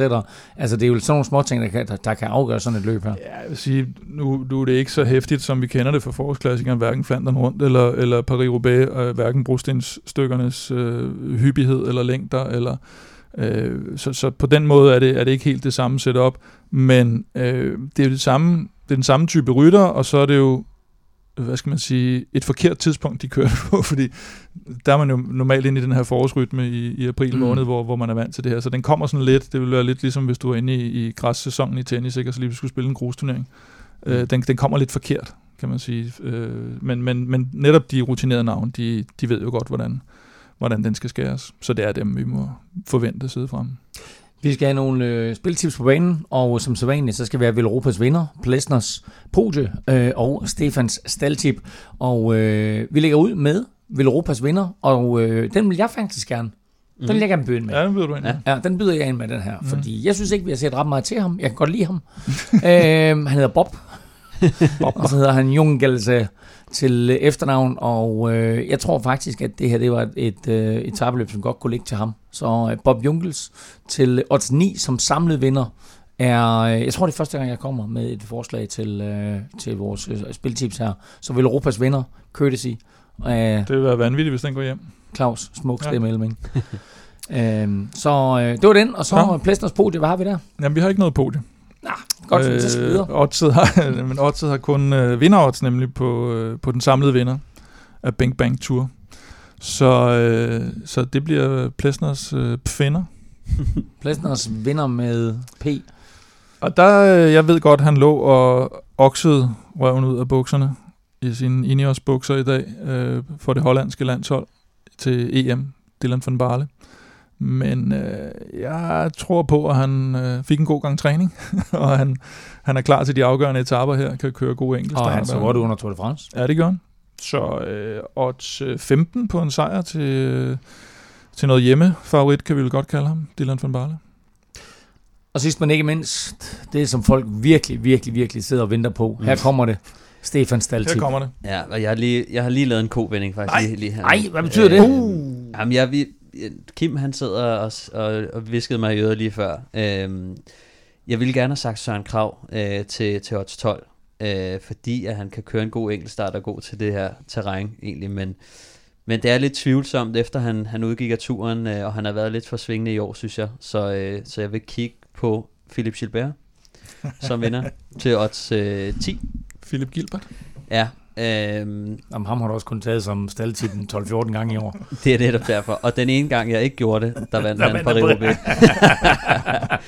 Så nu vender vi tilbage. Ja. Øh, der er en del brosten på den rute, og der er noget Flandern rundt lignende terræn, øh, og, og sådan 9 km enkelt start her, det er ikke noget for, for Philip Gilbert, så, øh, så jeg tror, og så, så er det specielt også fordi, at han kører på, på det kørende quickstep, og jeg tror, de kommer til at, at styre det her cykelløb med hård hånd, så øh, enten ham eller, eller Bob Jungels, øh, tror jeg, men, men Philip Gilbert tror jeg har noget op i ærmet, og det er lidt tid siden, at han har, han har kastet et resultat af sig, så jeg tror, det er på tide. Vi er nu oppe på 190 dejlige støtter på tier.dk. Det er simpelthen fremragende. Bliv endelig ved med at øh, tilmelde dig derinde, fordi det er nemlig muligt stadigvæk at støtte os på tier.dk. Beløbet det er valgfrit, og du donerer hver gang vi udgiver en ny podcast, og når du donerer, så deltager du automatisk i løgtrækningen om fede præmier. Du finder link både på velropa.dk og på tier.dk. Og øh, Kim, apropos lækre præmier, så er vi da i den grad i gang med at opbygge en øh, ret solid en, og helt unik i øvrigt. Ja, der er jo både øh, den meget, meget savnomsbundne Velropa kasket, og så har vi jo øh, to, havde vi to Tour de France pakker for øh, Tina Møller. Både noget øh, stickers og Jo, jo, noget altså- t-shirt, og jeg ved ikke, hvor meget. Jeg, altså. jeg, jeg, har, jeg har faktisk fået posen af Tina, okay. Og det tog hende 10 minutter bare at gennemgå, hvad der var i den. Der er, der er alle mulige super fede ting, Ja, som hun har taget med. Og så er der den her prikkede t-shirt, Ja, som øh, altså både Kasper Eskren og Michael Mørkøv har skrevet under på. Så øh, ja, det, det er vanvittigt. det er Det er, næsten det- for meget. Jo. ja, det er næsten for meget. Skal vi burde- tage Sagan-bogen ud af Ja, puljen? vi burde, vi burde splitte den op. Der er også Sagan-bog. Det her det er en ja. Ja. van, vanvittig Ja, præmie. vi lader være med at putte mere i så nu. Ja, nu, nu kommer ja, det er Vi også det. ser, om den, øh, ikke, den kommer op på 200 næste gang, går ud fra. Der er 190 nu. Sådan. Vi trækker lov om den, når vi rammer 200, så du skal altså skynde dig, fordi det kunne sagtens blive til øh, vores næste podcast, at øh, vi trækker lov om den her øh, super fede præmie. Øh, og apropos 200, så skal vi også have uddelt 200 kroner til Otse fra Dansk Spil. Det skal vi da, og øh, jeg har trukket øh, den heldige vinder, som går under navnet RB Massen. Så, øh, så Massen, han har, han har vundet et, øh, et, fri, et, et fribet. Et freebet hedder det. Freebet. Et fribet. Øhm, ja, han har faktisk øh, kun været med i en tre ugers tid eller sådan noget. Nå. så han er lidt heldig. Okay, Men, øh, men ja, har også øh, støtter med 15 kroner. fedt. Øh, jamen altså, prøv at øh, en, tre uger, det er, det må sige, det, det er gode 15 kroner, som RB Massen har investeret der. Øh, og det er altså sådan, at når du støtter os på tier.dk, så får du øh, et lod i puljen per, per hver femmer, du donerer. Og øh, RB Massen har altså smidt 15 kroner i, tre lodder, og det var altså nok til, at øh, lynhurtigt blev udtrykket som vinder, så tillykke med øh, de 200 kroner til øh, Otzel. Øh, og øh, så må vi sige, at øh, man... Øh, Altså, kan støtte med en femmer, man kan støtte med en 10, man kan støtte med 15 kroner. Eller mere for en sags skyld. Vi har faktisk nogen, der støtter med endnu mere. Og skynder man sig, så er man altså med i den her øh, konkurrence om den her kæmpe store præmie, som ikke mindst Tina Møller har været med til at lave. Så skynd dig at støtte på tier.dk. Du finder som sagt link på på velropa.dk og på tier.dk. Transfersæsonen er i fuld gang, og mens vi venter på øh, de store danske nyheder og med blandt andet Magnus Kort og Jakob Fuglsang, så er her en gennemgang af de vigtigste klubskifter indtil videre. Kim, hvad er sådan det største skifte? Ja, men det største er jo nok... Ah, det er nok Lander til Bahrain Merida, vil jeg sige, ikke? fra Movistar, og så Nibali til Trek. Altså, hvis man, skal, hvis man kan kigge navne i hvert fald, øh, de største navne. De var godt og grundigt kendt i forvejen, kan man sige, og det var Enrik Mars til Movistar også. Viviani og Guillaume Martin til, til Kofidis var også noget, man vidste på forhånd. Så, så der har ikke været så meget overraskende. Og så var, det, så var det lang tid om at gå i gang på en eller anden måde. Jeg troede sådan, du ved, mm. lige sådan 1. august, sådan var bum, nu kommer de bare. Der kom ingenting 1. august. Jeg tror, alle har sådan tid tænkt, nej, der kommer nok alle de andre, så der vil vi ikke melde noget ud. Og så sidder mange jo og venter på et resultat fra en eller anden, og så de kan sige, hey, ham der vandt i dag, han skifter mm. til vores hold. Så det, det, det indgår nogle gange også i timingen. Og der, der er jo som sagt altså et par navne, som vi sidder og venter på. Hvad har, hvad har sådan været den største overraskelse? Øh, for mig at se har det været øh, Trentin til CCC. Den havde jeg ikke sådan lige luret, faktisk. Øh, et lidt, lidt spøjsskifte på en eller anden måde. man kan sige, han får selvfølgelig måske... Men det sagde man også, da han skiftede til Mitchelson, at han, han ville få sådan mere en sprinter-chance i forhold til, hvis du er på quickstep, ikke, så har du altid 3-4 konkurrenter nærmest rundt om dig. Mm-hmm. Øhm, og så bliver han Altså, jeg synes jo, at han er så fed en cykelrytter, Trentin. En af de fedeste i hele feltet. Men øh, skal også køre med Van Avermaet i, øh, i forårsklassikerne, ikke? Så, så der kan også godt være lukket nogle gange ikke? Øh, for, for egne chancer. Men altså, okay, Van Avermaet, han er hvad? Hvad er han? 34-35, ikke? Altså, han er jo heller ikke for evigt, jo. Nej, nej, det er klart. Nu ved jeg ikke engang. Øh, Trentin er vel også ved at være en 68-69 år gammel. Nej, ah, jeg tror ikke, han er over 30, han er. jeg kan ikke huske, hvor gammel han er faktisk, men han er ikke, han er ikke 22. Hvad med danskerne? Hvad, øh, altså, vi har ikke noget konkret som sådan. Oh, vi glemte også lige Sakardin. Sakardin, Sakardin, Sakardin til CCC også, som jo opruster og har brug for oprust, kan man sige, i forhold ja. til, da de, var, da de var BMC, var de bedre end da de var CCC. Så nu skal, nu skal der også noget ved, ved CCC. Øh, danskerne, ja. hvad har vi der? Jamen, vi har vel officielt kun uh, Mikkel Bjerg til øh, UAE, som åbenbart uh, virkelig går talentvejen. De har haft et par sæsoner nu, hvor de har forsøgt at hente nogle sådan mere etablerede navne ind, som, som Christoph, Dan Martin, Gaviria, hvis man kan kalde Gaviria etableret navn i en alder af, hvad, 3-24. øhm, og, og Rui Costa, og, og, og jeg kunne blive ved. Øh, men, men de har ikke rigtig formået at få bedre cykelrytter ud af dem, de har hentet ind. Øh, Sergio Henao også kommer til og har ikke, har ikke lavet det helt store. Så nu ser det ud som om, at de, de går lidt en anden vej og satser på Mikkel Bjerg. De satser på øh, en af hans rivaler faktisk øh, for enkeltstarten, Brandon McNulty, amerikaneren. Øh, de har i forvejen øh, Pogacar, som jo har kørt helt fantastisk. Øh, de har Jasper Philipsen. Og så har de også lige hentet øh, Baby Gito, vinderen fra i år, kolumbianer, der hedder øh, Andres Adila. Så øh, det er noget af et kontingent af, af unge folk, de efterhånden har. Og andre? Øhm, nej, jeg, jeg har ikke så meget til Det er jo nok det vigtigste, jeg sidder... Ja, altså, altså hvis vi skal... Øh, øh, jeg skulle lige til at sige konspirationsteori eller rygtebasis, så fik vi jo tilsendt en, øh, et lille billede fra en, fra en lytter, der havde set, at Magnus Kort havde fået fornyet interesse på de sociale medier for Mitchelton Scott hvor han jo har kørt tidligere, og begyndt at følge dem på, på sociale medier, og øh, med Trentin, der hopper ud derfra, ah. så hvis man lægger de to ting sammen, så er det jo kæmpe rygte lige pludselig. Ja, Selvom øh, det meste har været øh, EF Education, hovedsageligt øh, på rygtebasis, han skal derhen, eller, eller Trek som, øh, som nummer to. Så mm. lad os se, om ikke... Øh, jeg har en eller anden fornemmelse, jeg, jeg ved det faktisk ikke, selvom jeg har snakket en del med Magnus, og han vil, han vil ikke sige noget, men... Øh, men det, det, det tyder da på et hold, hvor de taler engelsk, i hvert fald i modsætning til os. så starter, han føler sig altså, bedre, kommunikationen er bedre. Bedre tilpas der. Og så lad os lige vende et af, et af ugens øh, største rygter. Fordi øh, det kom sådan frem, øh, altså ikke øh, verificeret, men det kom frem, at Bjarne Ries vil købe Team Katusha's World Tour licens, øh, og på den måde træde ind på højeste niveau, og også sikre sig en plads i Tour de France øh, starten i Danmark i øh, 2021. Øh, hvad er din vurdering her, Kim? Ja, men altså, det giver jo egentlig meget god mening, kan man sige, øh, hvis, hvis man lægger alle, alle ting sammen. Katusha øh, mister Alpecin, som formentlig går sammen med Canyon og, skaber, og vil skabe det her nye øh, store hold, kan man jo måske godt kalde det, alene det, de har øh, Mathieu van der Poel. Og, øh, og, så, og så står de lidt og mangler en, en enten en øh, fusionspartner eller en co-sponsor. Og, øh, og der kan man sige, hvis, hvis Ries vil have ambitionerne opfyldt, om at, at komme op på World Touren. Og i tide til 2021, så skal det til at være. Og, øh, og det hele står så igen og falder med, om de har pengene.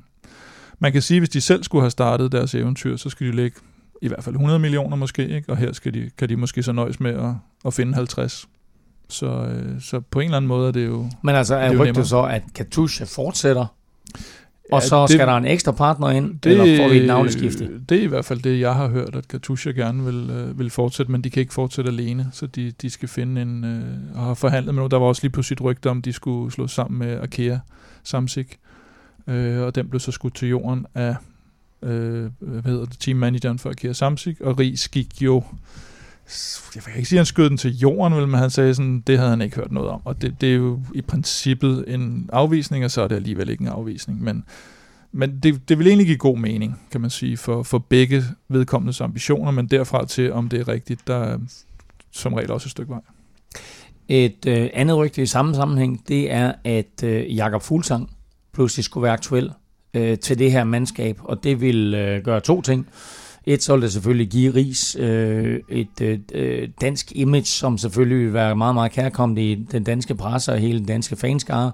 Og to, så vil alle Jakobs resultater fra i år blive ført over på, øh, på holdet her, således at han pludselig øh, også havde nogle resultater, han kunne fremvise i, i form af det her, den her rangering, som er med til at give øh, et, øh, et wildcard til, øh, til, hvad hedder det, øh, Tour de France, men hvor han, man kan sige, han har ikke så meget behov for det her wildcard længere, men pludselig så har han jo altså et, et mandskab, og han har sin kaptajn.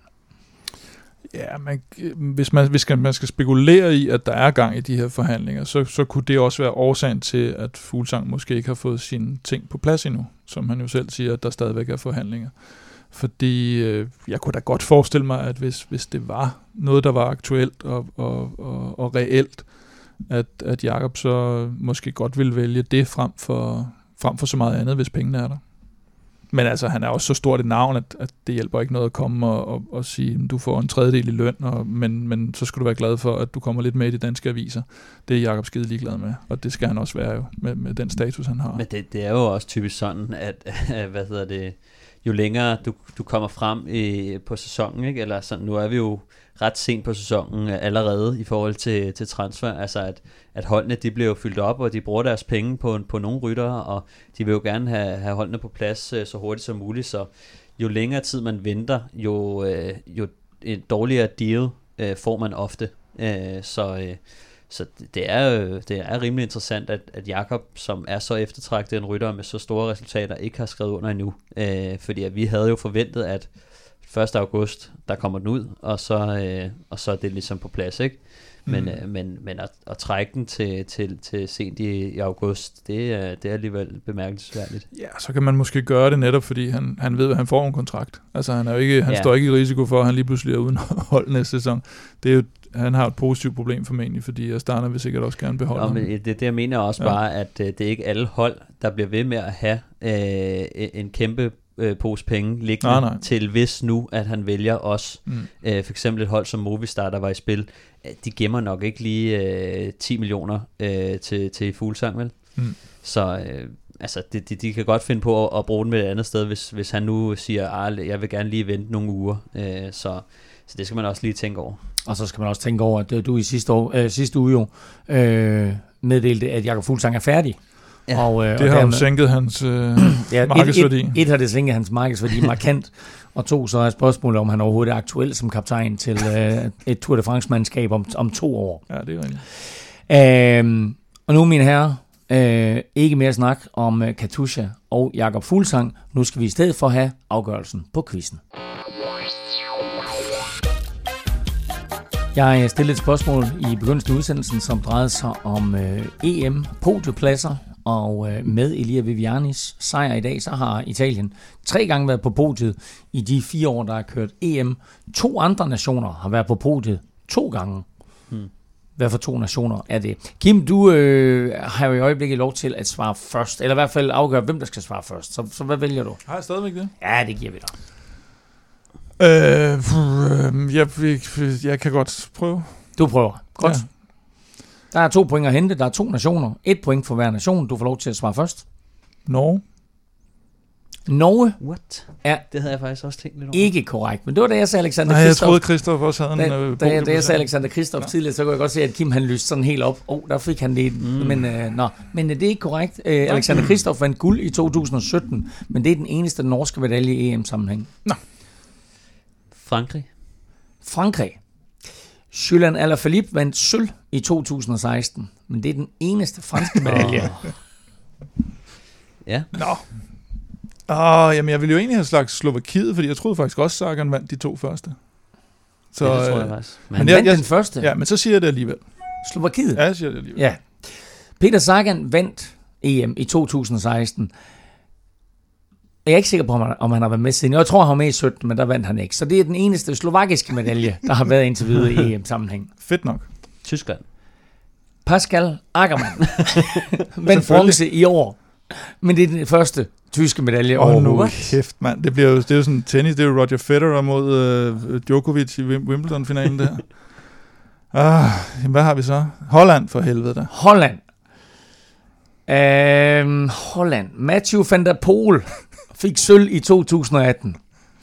Og en fyr, der hedder Moreno Hofland, fik bronze i 2000. Nej, det passer ikke. Øh, Van der Poel i 18 og Hofland i 17. Så Holland udløser faktisk et point. Hvis jeg nogensinde havde gået og tænkt på, at Moreno Hofland på et tidspunkt skulle udløse et point til mig i, i Velropa podcast-quizzen, så vil, øh, så vil jeg ikke have givet sig. Nej. Lave odds på det. Øhm, Belgien.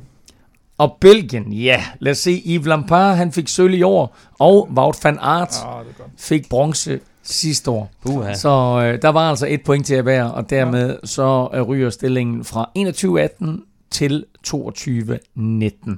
Og øh, det var altså svaret på dagens quiz. Næste gang vi er tilbage med optakt til, øh, øh, eller næste gang vi er tilbage, så er det faktisk med optakt til PostNord Danmark Rundt. Og så skal vi også lige huske på, at det Vuelta a España nærmer sig med hastige skridt. Og Kim, hvordan ser det ud sådan øh, på Velropa Café og i Velropa Cykelklub? Er der ved at være gang i den igen? Ja, vi begynder at komme i omdrejninger, øh, eller det gør vi i hvert fald i, i den uge, der kommer. Øh, onsdagstræningen starter på onsdag. Øh, der er jo fri træning til onsdagstræning. Onsdagstræningen alle starter på tirsdag. Ja, onsdagstræningen starter på tirsdag. Er du med til onsdagstræning, Stefan? Ja, måske. Nå, okay. Øh, og så er der søndagstræning. Og hvad, Gæt- hvad jeg skal gæt- altså, gæt, dem, dem, der er nye i podcast sammenhæng, hvornår er det onsdagstræningen er? Det er klokken... er det ikke 17? Jo, Jeg mener også, det er 17. Ellers så, ellers så, sådan tjek, ellers så tjek Facebook. Facebook, ja. Ja.